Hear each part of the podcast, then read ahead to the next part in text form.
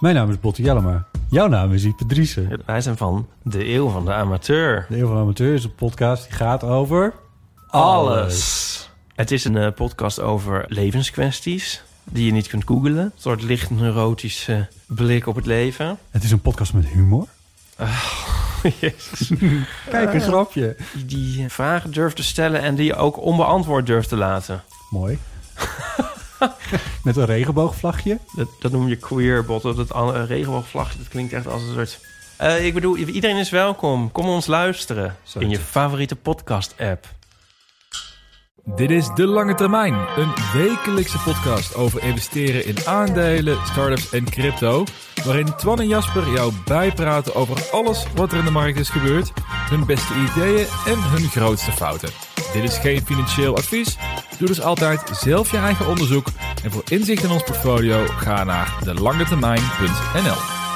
Jouw eerste vraag net, eerste opmerking was: Ben je nou de whisky vergeten? Ja, ik zeg een whisky. Wat is dit? Nee, maar het komt. Ik heb eerst een, eh, een verhaaltje Oh, om te vertellen. Het is, nog geen, het is geen Sinterklaas, dus ik heb geen gedicht voor je bedacht. Maar heb je ooit gehoord van, ehm, van Keizer Kenji? Ooit het verhaal van hem gehoord? nee. Keizer Kenji en eh, de Samurai Soda? Nee?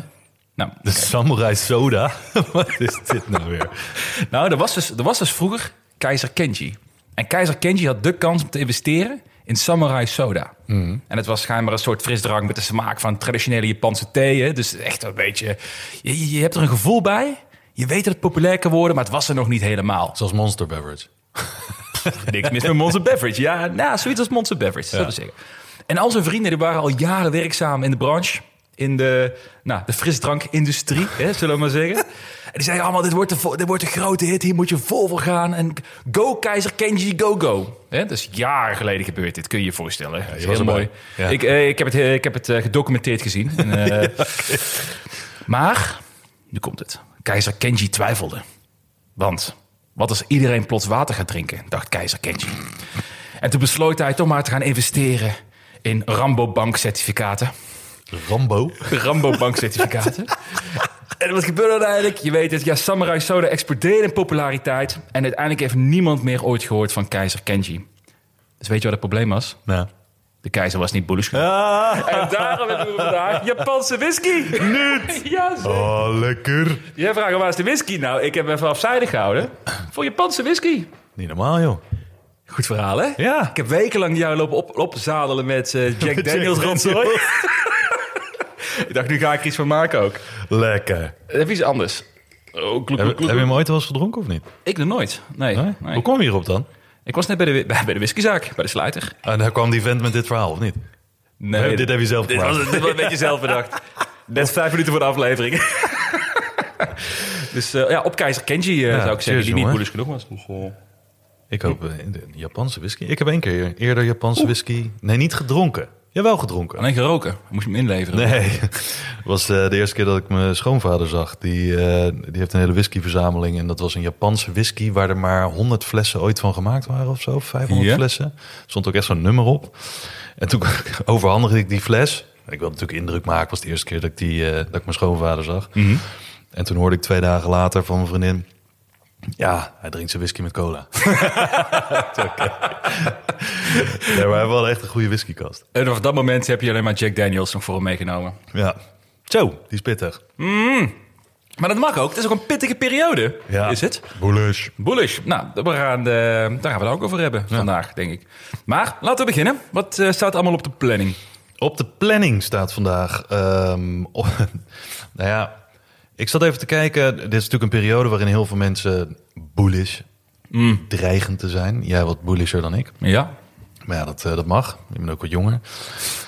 Ehm, ik zat een beetje terug te kijken naar wat aantekeningen. En op een gegeven moment kwam ik een aantekening tegen. ehm, in relatie tot de gedachte die ik heb, wat ik ook vaak zeg. Van als er een bull market is, dan is het mijn taak. Wat iedereen doet, moet ik lekker zelf weten. Maar is het mijn taak om zoveel mogelijk gebruik te maken van die boelmarkt. En niet zomaar op mijn lauren te rusten. En eh, alles wat ik heb, wat een beetje in de middenmoot speelt. ehm, dat ik denk van, joh, dat is prima, gaat wel lekker. Maar gemiddeld rendementje. Terwijl ik links en rechts, iedereen die er scherp op is, bij wijze van spreken.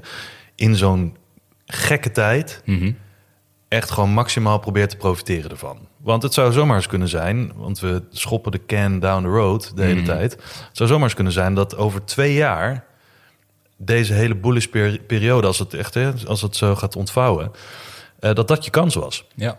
ja. Want ik heb dat nu drie keer eerder meegemaakt. En in al die keren was ik nou, niet bullish genoeg. Maar mijn- ik was heel bullish, maar mijn portfolio reflecteerde dat niet. Oh, zo. Dus jij was bullish, Ja. maar je zat alleen maar in Rambo-bank certificaten. Ja, Rambo-bankcertificaten. 7% rente. Ehm, en dus eh, ik heb ooit een boek eh, gekregen van mijn CEO. Lang verhaal. Leuk, Kenji. En een, la- en een lang verhaal over dit. Maar Ik pak een slokje whisky. Ja, ja, erbij. neem een slokje whisky, joh. Ehm, ik had ooit een boek gekregen van mijn CEO en dat ging over ehm toppresteerders op het werk. En dat hele boek ging erover. kan je zeggen, waarom schrijf je daar een heel boek over? Het ging maar over twee punten. Ja. En dat was dat toppresteerders zich maar op twee dingen focussen. En daar gaan we het even over hebben. Wat mijn kijk erop is en wat de relatie met beleggen is. En zoals ik denk dat de komende anderhalf jaar, ik in ieder geval, of het komende jaar, eh, dat gaat toe, proberen toe te passen. Oh, leuk. Dus, Dus in, in, hè, in, in, in kortere uitleg, de eenvoudigste manier om je portfolio te onderhouden in een boelmarkt. De eenvoudigste manier. nice. Als toppresteerder dus. Als toppresteerder. Tenminste, dat gaan we proberen. en leuk, we hebben. Vier vragen van luisteraars. In hoeverre houden wij rekening met het sentiment rondom een bepaalde type aandelen, zoals de negativiteit rondom small caps? Ehm, hoe ziet Jaspers exit-strategie voor Ethereum eruit? Ik moest googlen wat het betekende. Exit-strategie. Dat nou weer? Exit. Eh, en de vraag, wanneer ben je bullish genoeg? Die ga ik aan jou straks stellen, want ik zou het echt niet weten. joh. Oh, leuk, leuk, leuk. Nou, genoeg te bespreken. Ja. Veel verschillende onderwerpen voor deze aflevering. Dus dat is een leuke variety show, zou je bijna kunnen zeggen. Ik was trouwens vergeten te noemen hoe de whisky heet. Ja. Want anders gaan ze googlen Japanse whisky... en dan blijkt het gewoon eh, een of andere ja, Jack Daniels sushi te zijn. Een Japanse, nou, whatever. Japanse Eh, wc eend. wc heet je. Nee, het is eh, Suntory whisky. Er staat ook Toki bij. Ik weet niet of dat voor kip staat. Smaakt het niet. Maar ja, is lekker. Voor de mensen die thuis denken van... ik ga dezelfde whisky meedrinken... het voelt toch alsof ze hier aan tafel zitten. Of als we niet in de auto zit. S ochtends vroeg.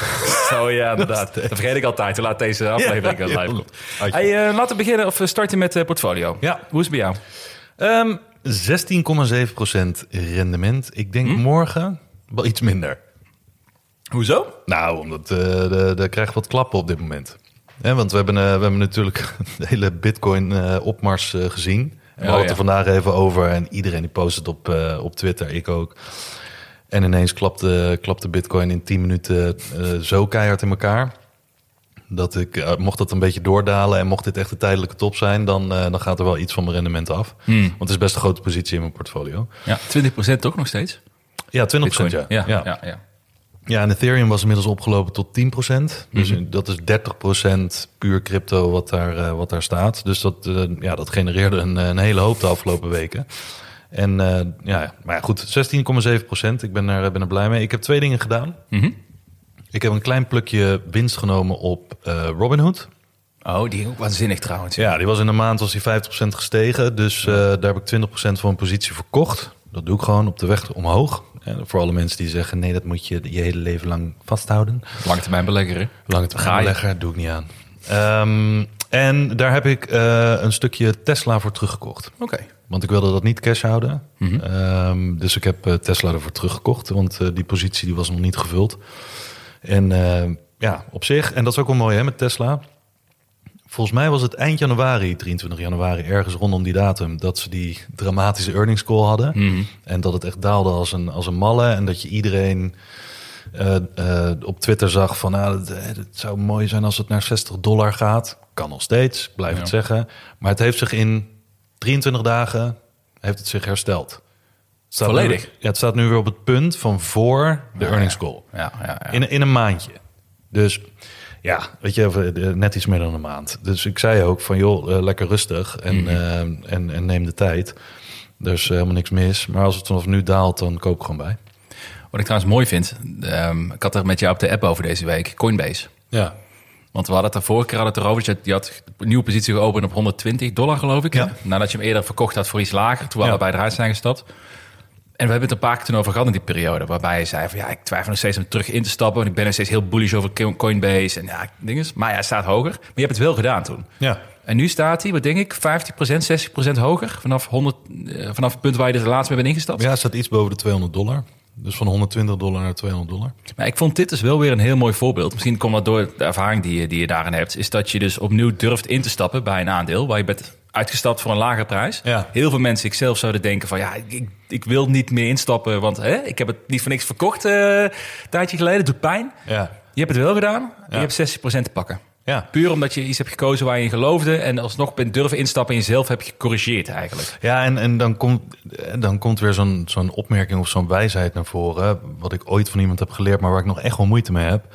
Die zei: Je moet gewoon elke keer dat je bent uitgestapt en daarna weer opnieuw wil instappen, omdat je toch terug wil naar je thesis, eh, moet je doen alsof het vanaf dan je eerste aankoop is. Want je neemt een hele zak aan twijfel en spijt en dat soort dingen mee. En dat voorkomt dat je weer wil instappen. Omdat je denkt, hè, zoals in mijn geval, op 80 dollar verkocht. Nu staat hij op 120. Of, Hè, toen, eh, wat was het, een paar weken geleden. Eh, ja, dat is nog steeds 40 dollar of 50% hoger dan dat ik ben uitgestapt. Ik wacht tot die zakt. Maar ja, dat, dan kan je wachten tot je Ja, komt nooit meer. Ja, dus dan, hou je- dan zit je zelf een beetje in de weg. Dus ik ben blij dat ik het heb gedaan. Wel overigens met een iets te kleine positie. Maar Natuurlijk. ik zeg altijd, weet je, eh, liever te weinig van iets dat stijgt dan het helemaal niet hebben. Dus, eh, Maar ik vond het een mooi voorbeeld. Ja. Van, eh, nou, gewoon ook een mooi voorbeeld, denk ik. en jij? En jij? Ja. Hoe is het met jou? even goed voor zitten. Nee, nee, ik ga niet overdrijven. Want ik weet dat met dit keihard wordt afgerekend binnenkort als ik weer in de nul sta. Nee, ik sta nu op plus 28,8. Plus Eh. 28,8? Ja, ja, ja, een beetje casual, plus 28,8. Oh ja, Maar, tuurlijk. eh, joh. Maar eh, en da- daarom hebben we ook de Japanse whisky vandaag. Ah, heb Nou, je, ook, dat- je hebt wat die- verzilverd of eh, heb je nog wat muntjes van onder de bank gehaald? De bank. Nou, ik moet zeggen, dit was ook maar 40 euro whisky. Maar het klinkt specialer om te zeggen dat het Japanse whisky is. Dit viel wel mee. Ik zag ze ook staan van 150 euro. McKellen's. Ik dacht van, nou, nog niet, nog niet. Zo ver zijn we nog niet hoor. Zo bullish ben je nog niet. Nee, maar natuurlijk met name door crypto natuurlijk heel hard gegaan de laatste, laatste Ja. periode. Eh, ik heb al één controversiële actie ondernomen Oh, nee. vandaag. Ah, nee. Ik heb een hele mandje innovatie-aandelen verkocht. Echt? Ja, ja, en ik zal je vertellen waarom. Want ehm, Nou, voordat we daarmee beginnen. ja, Hoeveel procent van je portfolio was dat hele mandje? eh 10 procent. 10 procent. Dus je hebt 10 procent verkocht. Ja. Dus die, die, die hele 10 procent van je portfolio heb je verkocht. Ja, ik vind, ja 10 of ne 9 of 10 procent eh, verkocht. Eh, ik zal uitleggen waarom. Ja. Het heeft denk ik een paar redenen. Ehm, ten eerste, omdat we al eigenlijk al maanden erover hebben. Van, ja, crypto of in ieder geval digital assets ligt een enorme toekomst. Eh, we zijn, is- stap voor stap schuiven er meer op. We worden eigenlijk steeds meer bevestigd daarin. We zien veel gebeuren. We gaan het zo meteen nog over hebben. Maar we denken denk ik allebei dat het nog enthousiaster kan. Ja. Dat we nog niet eens begonnen zijn. En die overtuiging is er nog steeds. En ik denk van oké, soms moet je de overtuiging ook durven volgen. Dat is Ja. één. Nou, ik zit er natuurlijk al flink in. Maar hetgene wat mij het meest eh, is opgevallen de laatste periode... is we hebben nu die earnings hebben we gehad. Ja. En mijn posities in dat mandje waren allemaal relatief klein. Zeg maar 1 tot 2 procent per positie. Eh, omdat er vijf posities waren en dat, en dat mandje uiteindelijk. Of 10 posities in het begin. Maar ik heb gemerkt bij mezelf dat ik, ik ging de earnings helemaal niet meer volgen. Ah ja, Dus ik dat heb je eerder gezegd, ja. Ja, maar dat gebeurt nu, nu echt. Dus ik zat voor het gisteren te kijken. Ik zag van, oh leuk, eh Hims Hers is eh, plus 30% gestegen. Oh, ze hebben earnings gehad. Ja. En vanochtend, oh, Lemonade is 25% gedaald. Oh ja, ze hebben earnings gehad. Maar ik heb niet eens meer de behoefte om door die rapporten door te gaan Nee? lopen. Nee, en dat, is, dat vind ik zonde, want dat is een beetje... Nou, ik wil niet zeggen met de edge, want zoveel we nog niet opgeleverd. Maar, maar dat is wel wat, waardoor ik, wat ik leuk vond om te gaan kijken van waarom daalt dit? Is dat reëel of niet? Of, of waarom stijgt dit? Is dat een goede beslissing of moet ik verkopen? Weet je, die keuzes Dat is wel, doe ik niet meer. Dus, dat is wel ja. bizar, want twee dingen daaraan. Dat één is dat je vaker zei, en dat zeggen heel wat meer mensen... als het in een mandje zit, dan boeit het me niet meer zo wat het doet. Hè, dan ben ik minder klopt. getriggerd emotioneel. Dus dat kan voordelig zijn en nadelig. Want Ja. voordelig, dan ben je niet zo snel getriggerd. En nadelig, dan, ja, dan ben je er niet meer echt mee verbonden. Mhm. En dan volg je dus dingen niet meer. Je hebt er, en ten tweede, je hebt er wel goede analyses over geschreven de afgelopen weken. Hè? Over Ja. HIMS bijvoorbeeld en ook over ASD Space Mobile, weet ik veel wat allemaal. Ja. Laatste, wat was het van de week, eh, Shopify.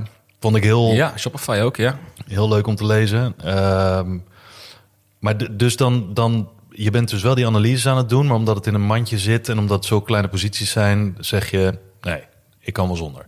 Ja, omdat het doet niks meer. Nee. Dus ik zag dus die 20% stijging op eh Hims en Hers. En het deed voor mijn portfolio praktisch niks. Het deed echt niks. Nee, maar dan kan je dan zeggen dat het alleen wat doet... eh, Dat het alleen wat doet als je positie groot genoeg is? Ja, ik denk dat ik meer skin in the game nodig heb. Het, het Ja. moet het waard zijn de tijd te investeren om die, om die onderzoeken te doen. Ja. En ik merkte gewoon bij mezelf, ja, het is lekker dat een mandje blijft draaien en je hoeft niet naar te kijken, maar eh, dan kan ik net zo goed een ETF kopen, Ja. denk ik, als ik iets wil waar ik niet naar hoef te kijken. Ja. Dus ik, ik vond mezelf dat ik daar mezelf een beetje in voorbij eh, ging. Ehm, plus daarnaast, ja, ook deze aandelen, omdat ik allemaal small caps had, gingen ook allemaal op min 25 en plus 25. Ja. Dus het is niet per se volatieler dan crypto of andere dingen in mijn portfolio. Dus waarom zou ik dan zoiets aanhouden, terwijl de upside naar mijn gevoel veel minder is dan de big bet waar ik in geloof? Ja. Terwijl nog steeds die volatiliteit is en ik er niet naar wil kijken. Ik snap het wel, want ik heb nu ook een, paar kleine posities eh, afgelopen weken afgesloten. En ik heb er nog eentje, Shopify. Misschien 1,2% van mijn hele portfolio. Maar het, het, het doet mij ook weinig. Maar ja, of dat een nadeel is of een voordeel. Ik denk in tijden zoals dit dat je gewoon overal vol achter wil staan wat je Ja, hebt. ja. En eh, inderdaad wat je zegt, anders kan je net zo goed een gevoelloze ETF hebben. En dat doet je helemaal niks. Maar dat is een ander type belegger, denk ik. Ja, ik denk het ook. Dus dat, eh, dus dat heb ik dus op die manier met die redenen gedaan. Ik heb wel AST Space Mobile nog steeds, want daar Ja. kijk ik wel met veel enthousiasme naar. Even grote positie nog? Eh, ja, ga ik, ja, ja, nog steeds even grote positie. Ehm, ik heb daarnaast als acties, ik heb nog een heel klein beetje die eh, eh, blockchain ETF bijgekocht. Ja. Afgelopen week een beetje, beetje bitcoin bijgekocht. Maar nu vooral de flinke portie cash. En ik ben Ja? het, ja, flink 10%. Oké. Dus ik ben het wachten. Ik denk dat ik of voorzichtig ga instromen. Ga Waar, niet, waarin? ja, waarschijnlijk crypto. Ja? Ja, waarschijnlijk crypto. Dus die crypto 10% of cash? blockchain ETF of misschien een beetje AST Space Mobile nog. Ah. Gewoon wat ik nu heb. En hoeveel posities heb je dan nu in je portfolio? Uit je hoofd? Poeh. Ik denk acht posities van eh, zes crypto's, die blockchain ETF en AST Space Mobile. Oké. Dus, Interesting. eh, nou, het gaat snel. Een dus je hebt eigenlijk ook gewoon nog Coinbase? Want die zit in Ja, dat klopt. Ja, ja die zit er eigenlijk ook in. Dus ik, misschien dat ik dat mandje wat groter maak. Maar, maar ik, dus of dat, of ik ga het bewaren voor correcties. Dat, Ja. ik, dat ik het niet erg vind als de markt is daalt. Want dat kan natuurlijk steeds gebeuren na deze enorme run die we hebben gehad. Of die whisky van 150 euro. Oh ja, die moet ik nog afrekenen. en het eh, portfolio van onze luisteraars? Ja, die eh, stond eh, wekenlang bovenaan van ons drieën. Maar die staat nu op een respectabele 15,5 procent. Netjes. Beste performers van dit jaar zijn nog steeds Nvidia, CrowdStrike en Coinbase. En de slechtste Enphase, Adobe en Tesla. Wat mij trouwens opviel, ik heb het een paar afleveringen geleden heb het erover gehad, of even van het begin, dat ik zo'n mandje heb, hè, met, eh, of zo'n ehm, ja, een mandje met beste bedrijven. Ja. En ik ging de eerste maand plus 12 procent. Ik dacht van, ah fuck, had ik maar gewoon die beste bedrijven Ja. gekocht. Die staat nu nog steeds op plus 12 of plus 11 procent. Die doet niks meer. Heb je er even op getikt of die het wel doet? Ja. Hallo? maar ik vond het al typisch. Ik was de eerste maand was ik er jaloers op. Dat ik had daar gewoon alles in moeten gooien op de pitje. En nu zit ik zelf een stuk hoger. En dan denk Ja. ik weer van, oké, ik had het net zo goed niet hoeven doen. Dus hoe, hoe, hoe, binnen Ja. een maand hoe dat sentiment... Ja, sentiment volgt prijs, toch? Ja, Dat, eh, je- zeker weten. Alright. En eh, nog even een kleine marktupdate, want dat vond ik ook wel eh, toepasselijk. Zowel de AEX, Nasdaq als de S&P doen allemaal 7% year to date. En de cryptomarkt, als je de totale cryptomarkt pakt, 34%. Bizar. Etjes. Ja, dat was zelfs met de dip van, eh van Oh ja? net. Ja, dus eh, nee, echt heel bizar. En, eh, maar vooral na vorig jaar, denk ik. Ja, Dus, zeker. Zeker. Misschien daarop inhaken. Wat ik eigenlijk wel interessant vond, voordat we gaan naar jouw centrale stukje ook. Mhm. Een soort nieuwtje, nieuw feitje van de week. Wat mij vooral opvalt, ik heb het ook met, met werk vaak over. en Volgens mij heb jij het er net ook over eh, gehad. Is je hebt, als je kijkt dus naar de crypto-posities, crypto-aandelen. Omdat de prijs zo enorm gestegen is, hebben we een beetje het gevoel, de mensen die erin zitten, van oké, dit is een nieuwe bull market. Ja. En het kan alleen maar hoger en hoger. Maar wat mij opgevallen is, en ik zie ook steeds meer eh, berichten op Twitter langskomen van mensen die daar specifiek naar kijken, is de retailbelegger is nog totaal nergens te vinden. Nee. Merk jij dat ook bij, jou, bij jouw De, de, vriendengroep? nieuwe, de nieuwe retailbelegger, ja. Ja, of mensen die nu weer, weer enthousiast worden, die toen zijn uitgestapt en weer enthousiast worden. Ja. Of inderdaad, diegene die nog niet eerder crypto gehad heeft. Ja, Merk jij daar iets van bij je vriendengroep, dat ze interesse tonen? Helemaal niks. Ik, geen enkel... ik weet dat ze erin zitten. Ehm, ik weet ook dat ze er al een hele tijd in zitten. En ik weet ook dat veel mensen niets hebben verkocht. Eh, of een klein plukje hebben verkocht, maar het overgrote deel zit er nog in. Maar waar we het net ook over hadden, misschien hebben die mensen zoiets van: ik wil het niet jinxen. Eh, want dat ging de vorige keer altijd mis. Als mensen met elkaar eh, gingen appen van... joh, nu moet je kijken wat er nou gebeurt, et cetera. Ik ben, ik ben hartstikke rijk. Ehm, En ook dat veel mensen, zoals we net ook zeiden voor de show even tegen elkaar, eh, dat jij dat ook op je werk merkt. En ik heb dat ook met meer mensen eh, die ik gesproken heb. Die willen gewoon uitstappen. Hm. Die willen op dit punt uitstappen. Die hebben die hele bear market meegemaakt. Die realiseren zich, oké, dit is echt niet voor mij. Het is niet voor mijn maag bestemd. Ik kan er niet van slapen. Ja. Nu sta ik break-even, ik wil er gewoon uit. Ja. Dus het is alleen maar, moet ik nu verkopen? Maar ik hoor niemand, moet ik nu kopen? Ja, en dat zegt toch ook wel iets, vind Ja. ik. Als je kijkt naar hoe, hoe, hoe sterk de markt gestegen is. En ik zag eh, een tweet langskomen met vier signalen. En toen ik dit las, dacht ik van oké, we, zitten, we zitten nog veel vroeg. Dus één signaal was dat er, eh, er is praktisch geen zoekvolume op Google. Nee. Ik heb gekeken ook naar op, eh, Bitcoin, Ethereum. Het is echt alsof, alsof het nog steeds ultra bear market is. Ehm, de zoekresultaten van YouTube schijnen ook echt erbarmelijk laag te zijn. Ja. Dat is wel de bron waar veel mensen zoeken naar crypto. Vooral de retailers natuurlijk. Van welke coin moet ik kopen voor een 100x? Zegt dat ook wat over hoeveel influencers er zijn afgevallen van YouTube? Dat, Zo. mag, dat mag ook wel. Ik hoop het. Kanon. Hey, pas op, en wij gaan een YouTube-kanaal eh, proberen op te bouwen. Dus Ja, ik, eh, schaam mezelf, ik schaam mezelf niet onder dat soort mensen. Ik ga niet met mijn bek openstaan eh, op zijn eh, thumbnail. ja, ik geef je drie maanden. Ja, eh, ik, geef je drie banen en dan stop je ermee.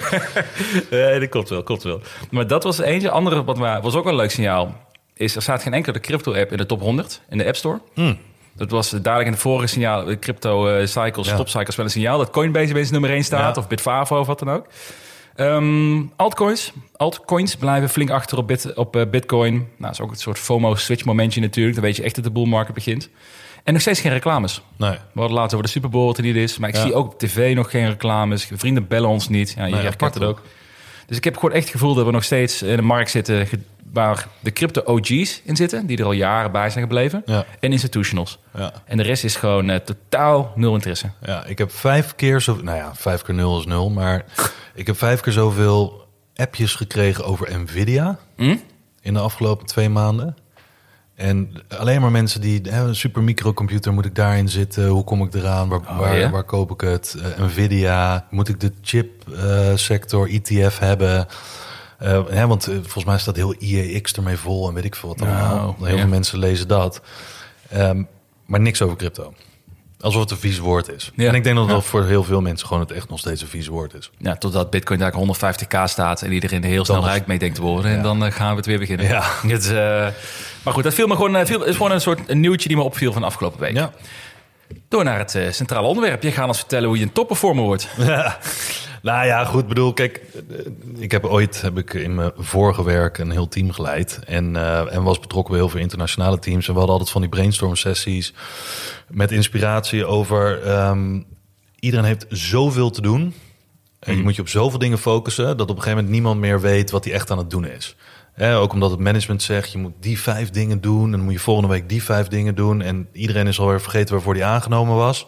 Want er is niet een heel duidelijk iets van... oké, als je zolang je dit goed doet, is de rest minder belangrijk. Nee, alles is belangrijk en alles moet je doen. Ja. Hadden we op een gegeven moment hadden we zo'n seminar... eh, waarbij ik ook een boek te lezen kreeg. Ehm, eh, niet van diegene zelf, maar ik, ik, heb zitten zoeken welk boek het was... maar die heb ik ooit teruggegeven. Dat was een, gewoon een hardcopy. Dus ik Zo- Zo'n goed boek was het. Zie zo je goed boek was het. Ehm, die was een beetje in de relatie daar. Ehm, maar dat ging dus over top performers in the workplace. En ehm, diegene die seminar gaf en wat er waar het boek over ging, was dat eigenlijk moet je alle noise wegtunen eh, als, top, als je een topperformer wil worden in je werk. En topperformers doen maar twee dingen, dus de echte topperformers. Eén is zorgen dat ze succes behalen met hetgeen waar ze het meest op afgerekend worden. Mhm. Dus is jouw hoofd KPI ehm, eh, sales. Nou, dan moet je daarop afgerekend worden. En moet je zorgen dat je daar echt gewoon knettergoed in wordt. Daar, dat bepaalt alles. Dat bepaalt je prestatie, hoe je gezien wordt, et cetera. Dat is één. En de rest van de dingen die doen er niet zo heel erg toe. Twee is, ze bemoeien zich niet met dingen waarvan ze denken dat het een groot risico op falen heeft. Als het niet bij hun core competentie hoort. En bij de core verwachtingen van bijvoorbeeld het management. Oké. Ja. Ehm, ik hoorde ook heel vaak mensen bij ons in de organisatie... waarvan ik al wist dat dat echt hele goede mensen waren... die zeiden in meetings, hielden ze hun mond over dingen... waar ze geen verstand van hadden. Mhm. Eh, en dan werd er gevraagd, wat vind jij ervan? Ja, ik kan, kan wel mijn mening geven... maar ik ga hier niks mee doen... want dit is niet waarvoor ik aangenomen ben. En toen dacht ik altijd, joh, doe even lekker mee. Ja, ja. Maar die zeiden juist van... nee, ik wil al mijn aandacht focussen op hetgene... waar ik op afgerekend word. Ehm, nou, hoe, hoe pas je dat toe op beleggen? Want dat vind ik wel heel toepasselijk in die zin dat Ehm, iedereen heeft een portfolio van heel veel, nou ja, heel veel, heel weinig. Sommige mensen hebben alleen bitcoin, maar de maxi stel ik even niet mee. Ja. Ehm, maar over het algemeen zie je heel veel portfolio's waar heel veel posities in zitten. En dan kan je zeggen, oké, waar we het vorige keer over gehad hebben, vorige week. eh, spreiding is niet altijd spreiding. En dekt ook niet altijd alle risico's af. Want als je alles in de techsector hebt, dan ben je nog steeds heel erg gewogen in risico als de techsector naar beneden gaat. Maar heel veel mensen hebben heel veel posities. En wat je in een, een periode van misschien 10 of 20 jaar ziet, is dat eh, er van die cycli zijn. Hè? Alles gaat op en neer. Dan doet weer dit het goed. Dan doen we de chippers het goed. Eh, nu met AI, heel veel chippers. Maar ja, jaren daarvoor deden heel veel chippers gewoon minder dan nu. Dus er is voor alles een tijd. En je hebt ook bear markets en bull markets. En je hebt markten waar niet zoveel gebeurt. Die, die drie, eh, dus een zijwaartse markt. Ik denk dat je ehm, in een bullmarkt geldt altijd a rising tide lifts all boats. Dat betekent dat heel veel mensen op hun lauwen gaan rusten, omdat alles het goed doet. Weet je wel, goud in je portfolio doet 2% of 5% of 6%. En je denkt, nou mooi, dat is gemiddeld rendement. Iets anders doet 20% en er is er ook eentje die doet 4%. En wat veel beleggers dan zeggen, en dat hoor ik ook bij mezelf, en ik lees het ook terug bij mezelf, zo van, nou die assets die ik heb en die het heel goed doen, echt extreem goed doen, mijlen ver op de rest voor liggen in een boelmarkt, die maken ruimschoots het verlies of de matige prestatie goed van de assets die een beetje achterblijven. Maar omdat je van die top performers in je portfolio hebt, denk je, ja prima, ik laat die anderen erin. Ja, ja, ja. want ja. die doen het ook oké. Weet je wel, en daar wil ik geen afscheid van. Ah, ik begin de metafoor te voelen met de werkvloer. Ja. Nou, en dus uiteindelijk denk ik dat dat een verkeerde attitude is voor mensen die hier actief mee bezig willen zijn, die een top performing portfolio willen hebben en dan misschien niet voor de komende 20 jaar, maar in een markt waarvan je kan zeggen het heeft een grote waarschijnlijkheid dat bepaalde dingen gaan outperformen. Ehm, en ik denk dat je in een boelmarkt juist scherp moet zijn op de achterblijvers. Eh, en dat je zorgt dat je juist het bovengemiddeld goed gaat doen. Want als de markt, hè, stel dat we een enorme raging bull market krijgen. En de markt, welke benchmark je ook gebruikt, iedereen doet de SP en dergelijke, maar er zit natuurlijk geen crypto bij. Eh, die doet dan ineens, eh, weet ik veel, 25% Dus drie keer het gemiddelde rendement eh, van, normaal gesproken van een jaar. Nou, en jouw portfolio doet ook 26% 27% Dan zeg je, ik heb het net iets beter gedaan dan de S&P. Top. Maar bedoel je daarmee dat eigenlijk, als ik het hier zo hoor, zeg je in een bull market moet je juist kritischer worden op je portfolio in plaats van relaxer. Ja, dus tweeledig. In een boelmarkt wordt iedereen, ehm, hoe noem je dat? Gemakzuchtiger, Ja. omdat alles stijgt. Terwijl in een boelmarkt moet je juist extra scherp zijn en kritischer zijn op wat er in je portfolio zit. Wat mij betreft. Ja, ja, ja. Ehm, en de simpelste manier om in een boelmarkt te gaan voor meer rendement dan het gemiddelde.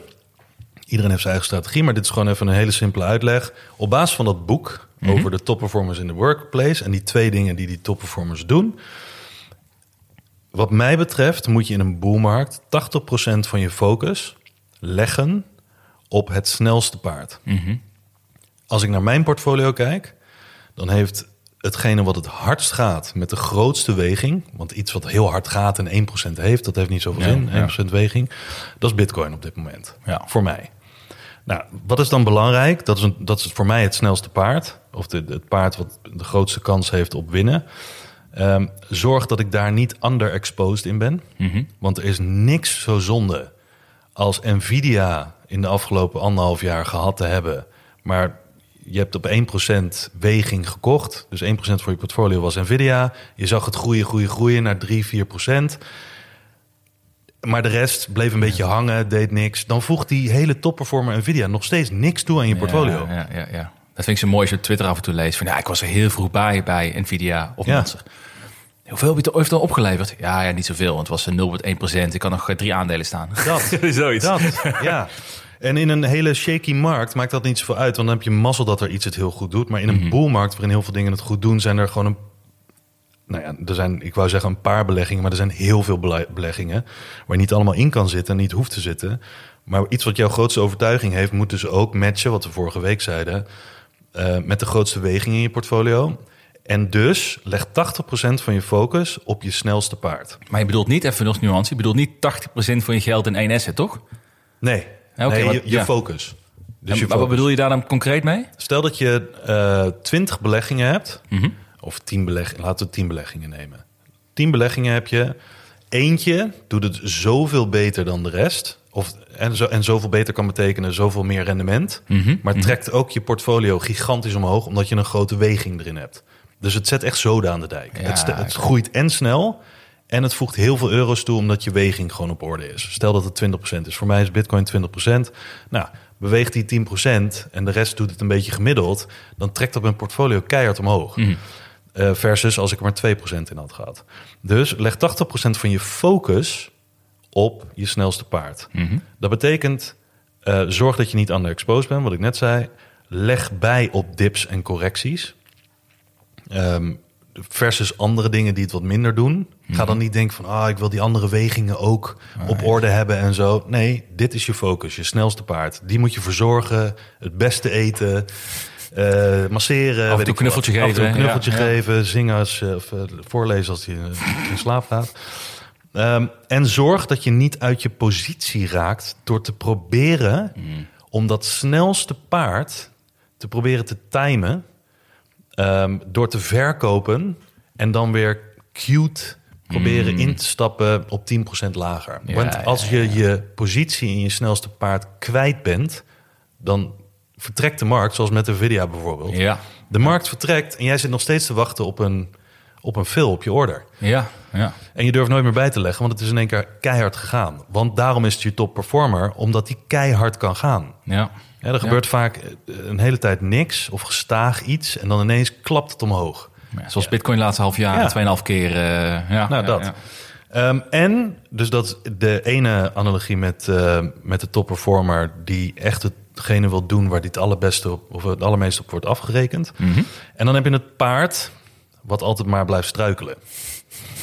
Staat dat ook in het boek? Of is dit jouw... nee, dit is eh, mijn, eh, oké. dit is mijn eh, vergelijking. Zorg dat je niet overexposed bent Mhm. in een paard wat niet meedoet aan de wedstrijd. En in dit geval is de wedstrijd de boelmarkt. Mhm. En wat achter blijft hangen. En als je weging daar heel groot in is, dan trekt dat als een soort zandzak je hele portfolio naar beneden. Dus- terwijl, terwijl dat niet hoeft in een boelmarkt. Dus dit valt ook samen met het idee dat je kritischer bent op je posities in een Ja. bull market. En dus ook eerder afscheid neemt dan van posities Ja. die gewoon niet presteren. Ja. Nog kritischer dan eigenlijk in een gewone periode waar je zegt, ik ben een lange termijn belegger, ik houd vijf jaar vast. Eigenlijk Ja. zeg je, joh, nee, niet in een bull market. Nee, kijk, en in een, nou ja, dat, iedereen moet het zelf weten. Maar wat mij betreft in een boelmarkt een, is het heel vertekenend dat je slechtste performer bijvoorbeeld 5% doet. Terwijl je daar normaal gesproken in een normale markt, of zo, laten we zeggen 10% doet.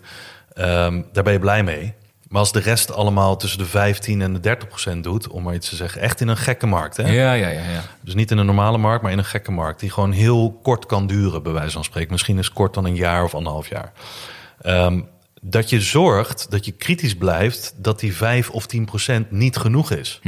En als je weging heel hoog is, dan betekent dat elke euro die daarin zit, die underperformt, dat je die niet in je topperformer kan stoppen. ja. Dus daar moet je heel kritisch op zijn. Niet bijleggen in een boelmarkt op een struikelend paard eh, om je gak te verlagen, je gemiddelde aankoopkoers. Dat is echt een slecht idee in een boelmarkt. Ja, je had je dat even drie jaar geleden kunnen vertellen? Want je bent echt in een, hè, dat zeggen ze ook wel eens van eh, eh, als je de tuin water geeft, dan geef je zowel het onkruid als, eh, eh, als de bloemen water. Maar dat onkruid verdient het niet, dus trek dat eruit. Ehm, verkoop op rips. Ja, want dat zeggen ze altijd van als het een beetje daalt en het schiet weer omhoog, dan heb je een mooi verhaal in jezelf. Zie je wel, het gaat ook meedoen. Ja, ja, ja. ja. Maar dat Ja. is een tijdelijk iets en daalt daarna weer verder. Verkoop die dingen en op bounces om uit te stappen en het weg te snijden. Mhm. Ehm, en een hele belangrijke, in een boelmarkt levert het gewoon opportunity cost op. En een mentale, zoals ik dat noem, drag. Ja. Ehm, want je blijft er naar kijken en je blijft met hetgeen in je hoofd zitten... dat er een groot deel van je portfolio, omdat je daar ooit in gelooft... bijvoorbeeld zilver of zo, weet ik veel, de- de- dat soort dingen... dat dat in een bepaald marktsegment of een bepaalde cyclus het niet goed meedoet... dan hoeft dat helemaal niet te zeggen dat je, hè, wat mij betreft... dit voor altijd wegsnijdt. Ja. Maar voor nu verlaag je je weging met de helft. Omdat je zoiets hebt van... oké, de macro-omstandigheden zijn gunstiger voor deze dingen die ik heb. Voor de topperformers. Na een jaar, of gaandeweg omhoog... bij die topperformer ga ik afschalen, Ja. rustig... En dat gaat dan naar bijvoorbeeld zilver, noem maar iets. Want de cyclus kan weer eh, omkeren. Maar ik vind dat een, mo- een mooi voorbeeld met wat, hè, wat ik dus net in mijn portfolio ook gedaan heb. Om, om dat meteen concreet te maken. Want ik, ik zat te kijken als ik gewoon aandelen had aangehouden. We zijn al maanden over crypto bezig. Maar als ik bijvoorbeeld niet in de crypto had gewerkt, had ik waarschijnlijk niks gekocht. Ja. Want dat was niet zo exposed Nee. geweest zoals, zoals nu. Ik heb het hele jaar, vorig jaar ook niks met crypto gedaan. Ehm, maar ik zat te kijken, als ik dus puur in aandelen was gebleven, had, was mijn rendement dit jaar in de min geweest. Ja. Nog steeds. Ja, En nu, doordat ik wel ben gaan switchen, en wat jij zegt, is met onkruid de zaakjes weg, weggesneden. In ieder geval aandelen die minder hard meegaan. Want bijvoorbeeld small caps hebben we allebei best wel vertrouwen in dat die harder gaan rennen dit jaar. Ja. Alleen als we kijken naar de renteverwachting, die is stiekem toch iets, iets, min, iets pessimistischer dan we hadden verwacht. Dus Ja. ook in dat kader gaan die aandelen als eerste gaan ze ook niet mee. Dus, dus tijden veranderen. Maar normaal had ik dat aangehouden, omdat dat mijn strategie is. En nu heb ik het snellere paard, crypto. ja, En misschien over een jaar dat ik daar langzaam weer uitstap... en dat ik weer alles terug ga gooien, small caps of een Googles en dat soort dingen. ja. Maar nu, ja, ik vind het wel een goed voorbeeld, denk ik, wat je net Ja, en aanhaalt. eh, daarbij natuurlijk wel de nuance dat ehm, tussen het snelste paard en het langzaamste paard moet je ook de vergelijking trekken tot of het ge- ongecorreleerd is of eh, tegengesteld gecorreleerd. Want als er iets is wat ehm, niet gecorreleerd is met de rest van je beleggingen, dan hoef je het niet per se eruit te doen, want dat, is, dat kan ook een verzekering zijn Ja, voor je portfolio. ja. Maar als jij tien tech-aandelen hebt en twee bungelen er altijd een beetje onder, Ehm, dan kan je zeggen, als die niet meegroeien met de rest van je tech-portfolio... ehm, en de markt keert zich keihard om... dan hebben die twee laggards, die twee die achterblijven... hebben nog meer reden om te dalen. Ja, ja, ja. Want als de markt zich omkeert... zijn dat niet in één keer degene waar iedereen voor kiest. Dus Eens. die moet je dan wegsnijden. Ehm, en misschien op een later moment terugkopen... maar je kan best tijdelijk afscheid nemen, vind Mhm. ik. Ja, Ehm, nou, dat wil, wil natuurlijk niet zeggen, want ik, ik denk dat heel veel mensen dan denken: van, joh, moet dan alles wegsnijden en alleen mijn snelste paard houden. Nou ja, weet je, als je dat kan, prima, lekker doen. Ik zou dat niet kunnen, ik heb echt geen idee. Ehm, dat wil niet zeggen dus dat je al je posities moet snijden en alleen maar die winnaars moet overhouden, want dan krijg je vanzelf wel weer verliezers. ja. Ehm, en de rest van je portfolio is ook belangrijk, maar je kunt je niet met dezelfde aandacht op al je posities focussen. ja. En in een bear market moet je je focussen op hele andere dingen dan dat je moet focussen op in een bull, bull market. En dan heb je ook verschillen tussen bull markets, welke sectoren het goed doen, welke het minder goed doen, nieuwe verhalen. Hè, verhalen zijn belangrijk. Maar zou je dan op focussen op een boel- in een bear market? Meer op kapitaalbehoud? Of hoe Ja, dat? kapitaalbehoud. Ja. Ja? Hoe zou je dat doen? Nou ja, de, de, eh, cash, eh, goud, eh, dividend. Mhm. Weet je wel, dat je cashflow hebt. Ja. als je toch belegd wil blijven. Maar dat zijn de dingen die achterblijven Mhm. als de trein vertrekt. Ja, maar zou, is- oké, zou je dit zien in, in een bull market wil je dus voor geheel bewust voor de snelste, snelste paard gaan. In een bear market wil je gaan voor het paard dat, dat zeg maar niet afgeschoten gaat worden. Ja, precies. Het is gewoon Ja. een beetje dat je niet te veel kapitaal verliest in die periode. Ja. Ja, oké. Ja, het paard wat het altijd een, wat in die, in die zin je over de finish kan krijgen, terwijl het aan alle kanten beschoten wordt. Het paard met panzer, eh, die in een, eh, in een boelmarkt eh, niet zo snel rent. Ehm, want voor, voor alles is een tijd. En ik denk dat je kan je hele leven kan je met dezelfde beleggingen eh, door. Eh, dezelfde bedrijven, bijvoorbeeld als het echt goede bedrijven zijn. Maar dan nog steeds kan je je wegingen in die bedrijven... eh, bijvoorbeeld in de ene vier jaar op, eh weet ik veel, twee keer zoveel leggen als in de andere vier jaar. Ja, ja, ja, ja. Daar geef je gewoon wat meer gas. En ik denk dat dat alleen weggelegd is voor mensen die er echt bovenop willen zitten. Want voor de rest van de mensen is het juist nadelig als ze hierop gaan focussen. Want dan gaan ze lopen klooien en dan weten ze niet wat ze aan het doen zijn. Maar Ja. de mensen die, hè, zoals ik, die er veel tijd aan besteden... is dit voor mij een, een mogelijke markt... waarin ik straks niet terug wil kijken en, en denk van... jeetje mina, 60% van mijn portfolio deed gewoon echt helemaal niks en bleef hangen. En dat hele gewicht hing aan de onderkant. En er zijn er een paar, misschien drie, die hebben de hele kar moeten trekken. Maar die kar was zo zwaar dat ik nog geen meter vooruit ben gekomen. Ja, ja, ja, ja. Dus, ehm, dus dat betekent 80% van je focus op het snelste paard, of misschien twee snelste paarden. Want je kan ook een snel paard hebben in de aandelenmarkt en een snel paard bijvoorbeeld in crypto. Of eh, uranium, weet ik veel wat. Eh, en 20% van je aandacht gaat naar de rest van je portfolio om te zorgen, zoals die topperformer, dat die daar niet volledig op kapot gaat. Ja. Dus vol- volg op je rest van je portfolio dat die 20% dat van je aandacht die gaat daar naartoe. Eh, stel dat het acht posities zijn, die onderhoud je gewoon. Mhm. That's it. Die onderhoud je gewoon, want dat zijn de middenmotoren. Dus, eh, dus dat. En de verliezers afsnijden. En de verliezers afsnijden. Ja, en ga niet gelijk eh, de, de, je na een maand de bodem vier wegsnijden. Maar daar is er altijd eentje waar je eigenlijk een soort verhaal bij hebt. Wat we vaker zeggen. Ik heb er zo lang aan, eh, aan gespendeerd. Dit moet lukken. Het management heeft al drie keer gezegd dat ze zus en zo doen. Maar ik zie nu toch, de rest vertrekt. Dit blijft hangen. Komen we zelf praten. Ja, ja. nee, dus eh, gewoon ja. Nee, maar, het- maar ik vind wel, het, het, het idee wat je nu brengt vind ik heel interessant. Is dat je juist kritischer bent in een bull market. Ja, Omdat mij kan voorstellen, ik heb er niet over nagedacht, maar ik kan me voorstellen, je wordt dan zo lui omdat het goed gaat. Je bent trots op je rendement, je denkt van het is prima zo. Ja. Terwijl je misschien gewoon enorme kansen laat liggen. En Ja. ik denk dat mensen dat, eh, ik, zou dat, ik had dat zelf niet zo, zo bedacht. Ik vind het interessant. Ja, de, de kleine zijsprong. ehm, je kan het ook zien als, als bijvoorbeeld een relatie.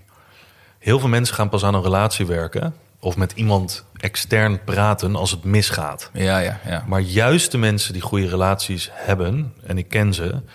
die zeggen... nee, ik wil juist in de goede tijden... wil ik ook met externe mensen praten erover. En ik wil ook eh, eh, hè, kijken wat er mis is... en weet ik veel wat... en proberen om het, om het nog beter te maken...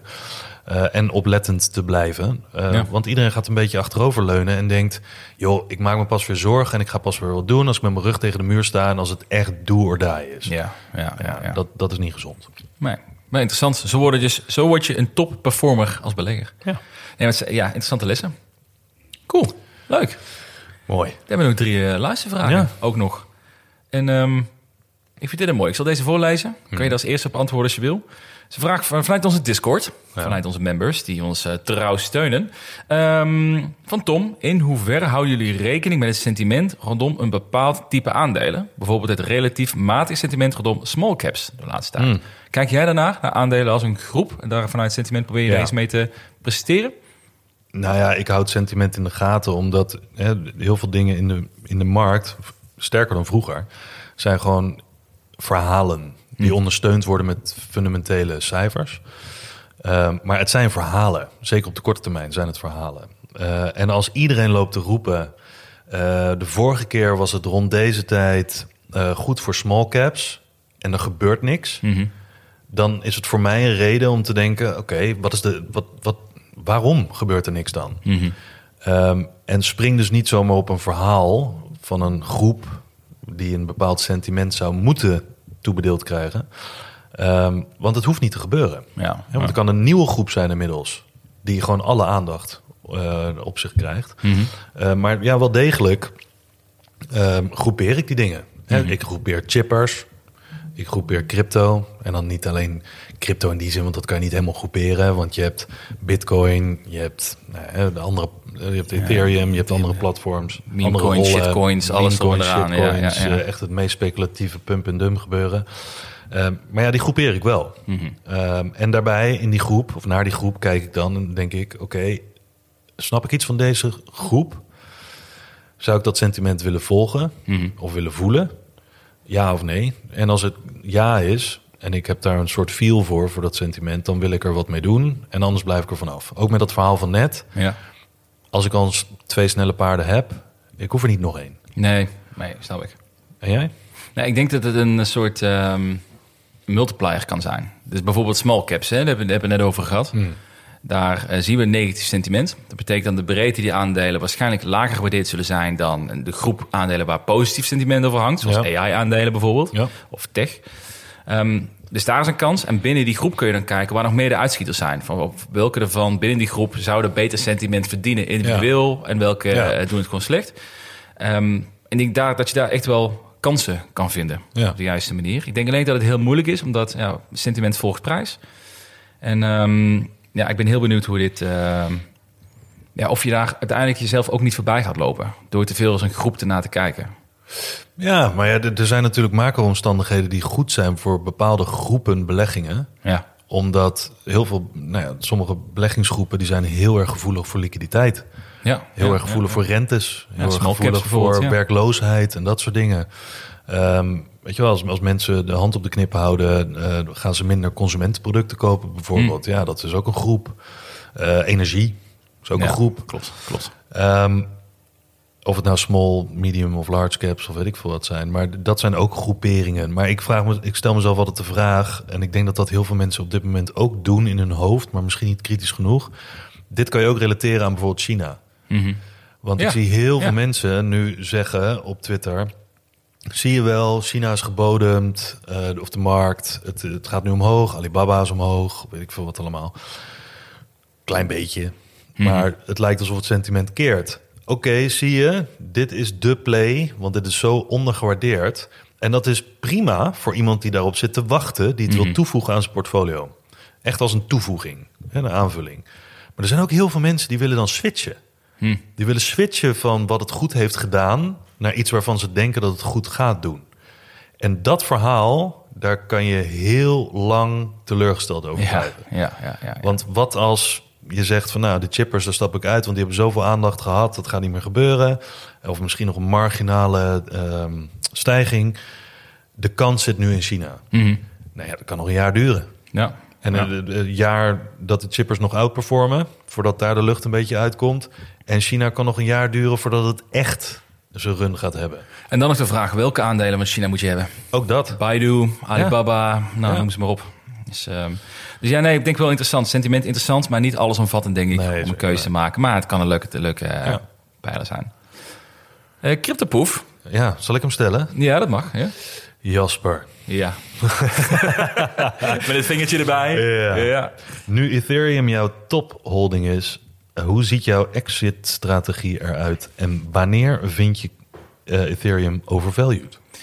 Ja, ik zou natuurlijk een heel goed antwoord erop moeten geven. Dat ik een heel plan heb. Ja, Eh, maar die heb ik niet. met de CEO gesproken. Ja. Het is de CEO van Ethereum. Vitali kwam even langs voor de koffie. Ja. Ik vond de whisky niet lekker. Maar ehm, nee, het is inderdaad mijn tophold, nu 50%. Ik ben ook extreem bullish op. Voor de komende cycle sowieso.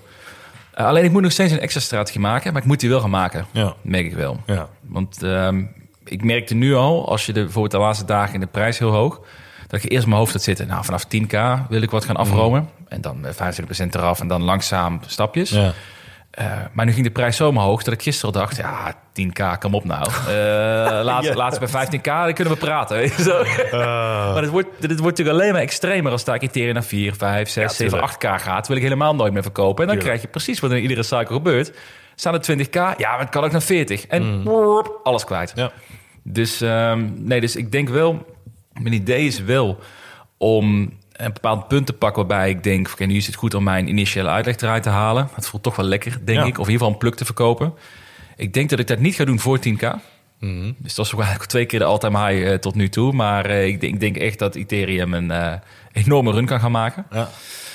En anders merk ik het wel. Ehm, en vanaf daar moet ik eigenlijk gewoon stapsgewijs moet ik het eigenlijk gewoon gaan verkopen. Mm. Maar wel dat ik een, een, ik wil wel een kern overhouden. Bijvoorbeeld, nou, eh 10, nou, sinds 20% wil ik gewoon niet verkopen. Nooit.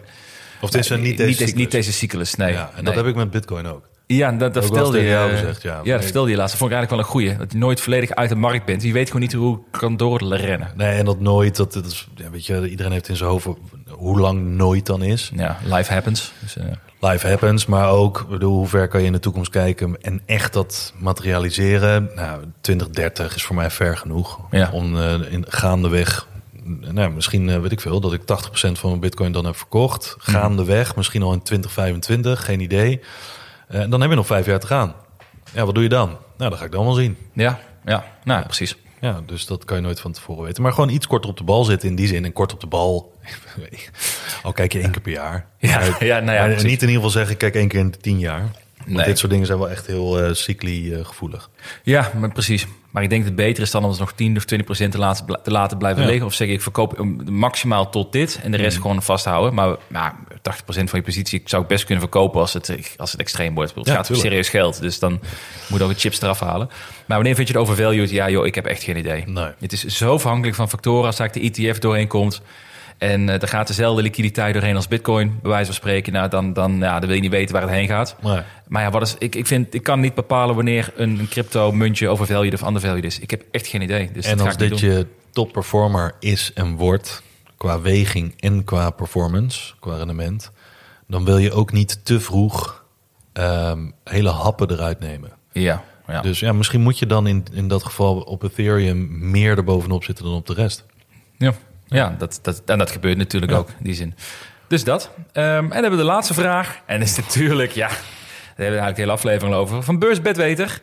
Wanneer ben je bullish genoeg? En zelfs jouw Twitter-foto is nu aangepast met bullish. Ja, ja mijn Twitterfoto is aangepast met ik ben niet bullish genoeg. Ja, ja, ja. Ja, nee joh, ja, wanneer ben je bullish genoeg?